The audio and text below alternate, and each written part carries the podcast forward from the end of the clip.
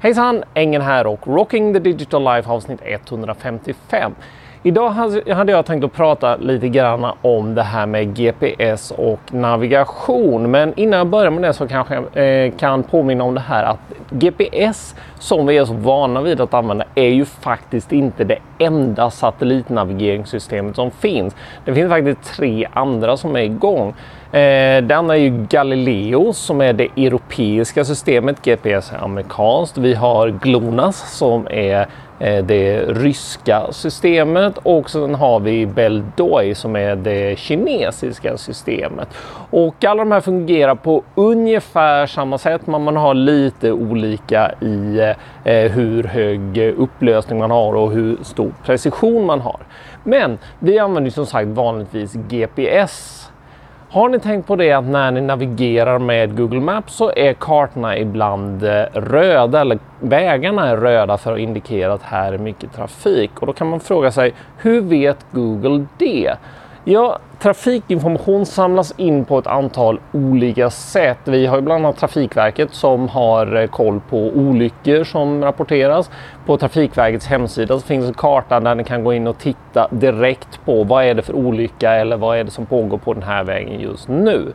Men eh, Google använder ju sig av annan data också och faktum är att eh, troligen så är det du och dina vänner som talar om för Google att Eh, här går trafiken långsamt. Och hur vet vi det? Jo, det är så att eh, när vi eh, rör oss på vägarna så har vi våra mobiler med oss. Google vet om att på den här vägen så ska det vara 90 km i timmen. Men vi har då en stor mängd mobiler som rör sig eh, mycket, mycket långsammare än så. Då kan vi dra slutsatsen att någonting har hänt på den vägen.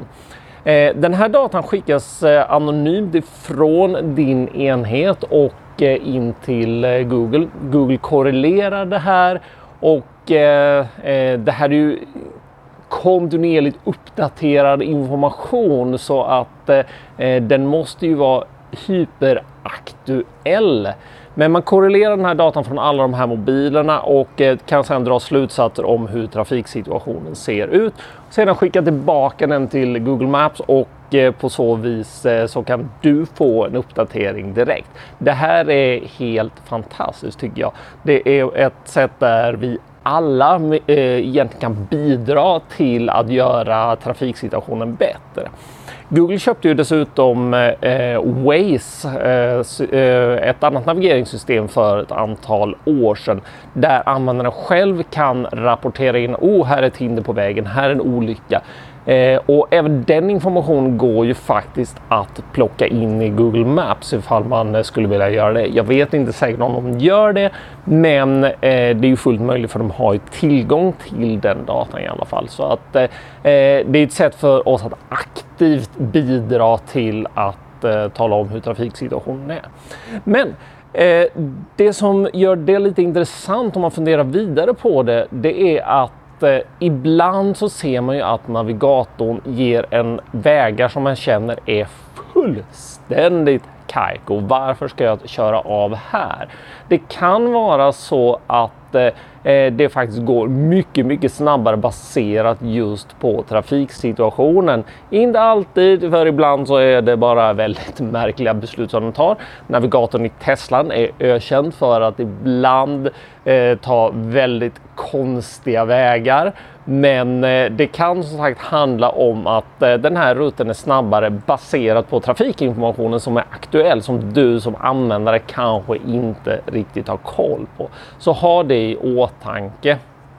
Eh, något annat som, eh, om vi ska gå in på lite sci-fi eh, eh, tankar här då. Jag satt i en bilkö eh, för någon vecka sedan och eh, det är klart när man sitter i en bil så vill man ju gärna veta vad fasen är det som händer långt där framme egentligen? Varför står det still?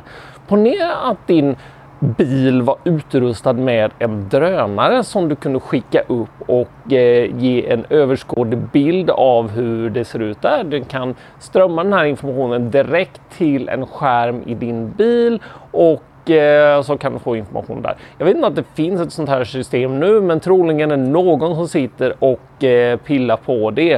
Eh, när vi har eh, bilar som är sammanlänkade också, vilket jag hoppas vi kommer ha för att det kommer underlätta eh, väldigt mycket, särskilt för självkörande bilar, när bilarna vet var alla andra bilar finns. Eh, då eh, hade du ju räknat att en bil i en kö kan skicka upp en sån här drönare och titta för att alla ska kunna få informationen.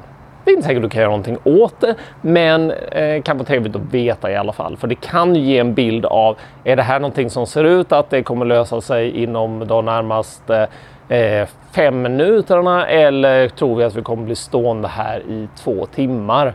Och eh, då kanske det finns möjlighet att ta på en avfart eller någonting för att komma runt hindret. Jag vet inte. Eh, hade varit jätteintressant att se ett sånt här system. Eh, det bör ju naturligtvis användas med måtta med tanke på trafiksäkerhet och så. Men står du ändå still i en kö så seriöst, det är inte ett jätteproblem om du skulle titta på en skärm då. Anyway, det här var Rocking the Digital Life. Ni hittar det på ställen där ni hittar podcast. Ni hittar det på Youtube. Ni hittar det på Facebook och ni hittar det på andra ställen där ni lyssnar och tittar på Facebook. Är det någonstans det saknas så hör av er till mig så ska vi se om jag kan få in det där. Ha det fantastiskt bra så hörs vi igen. Hej!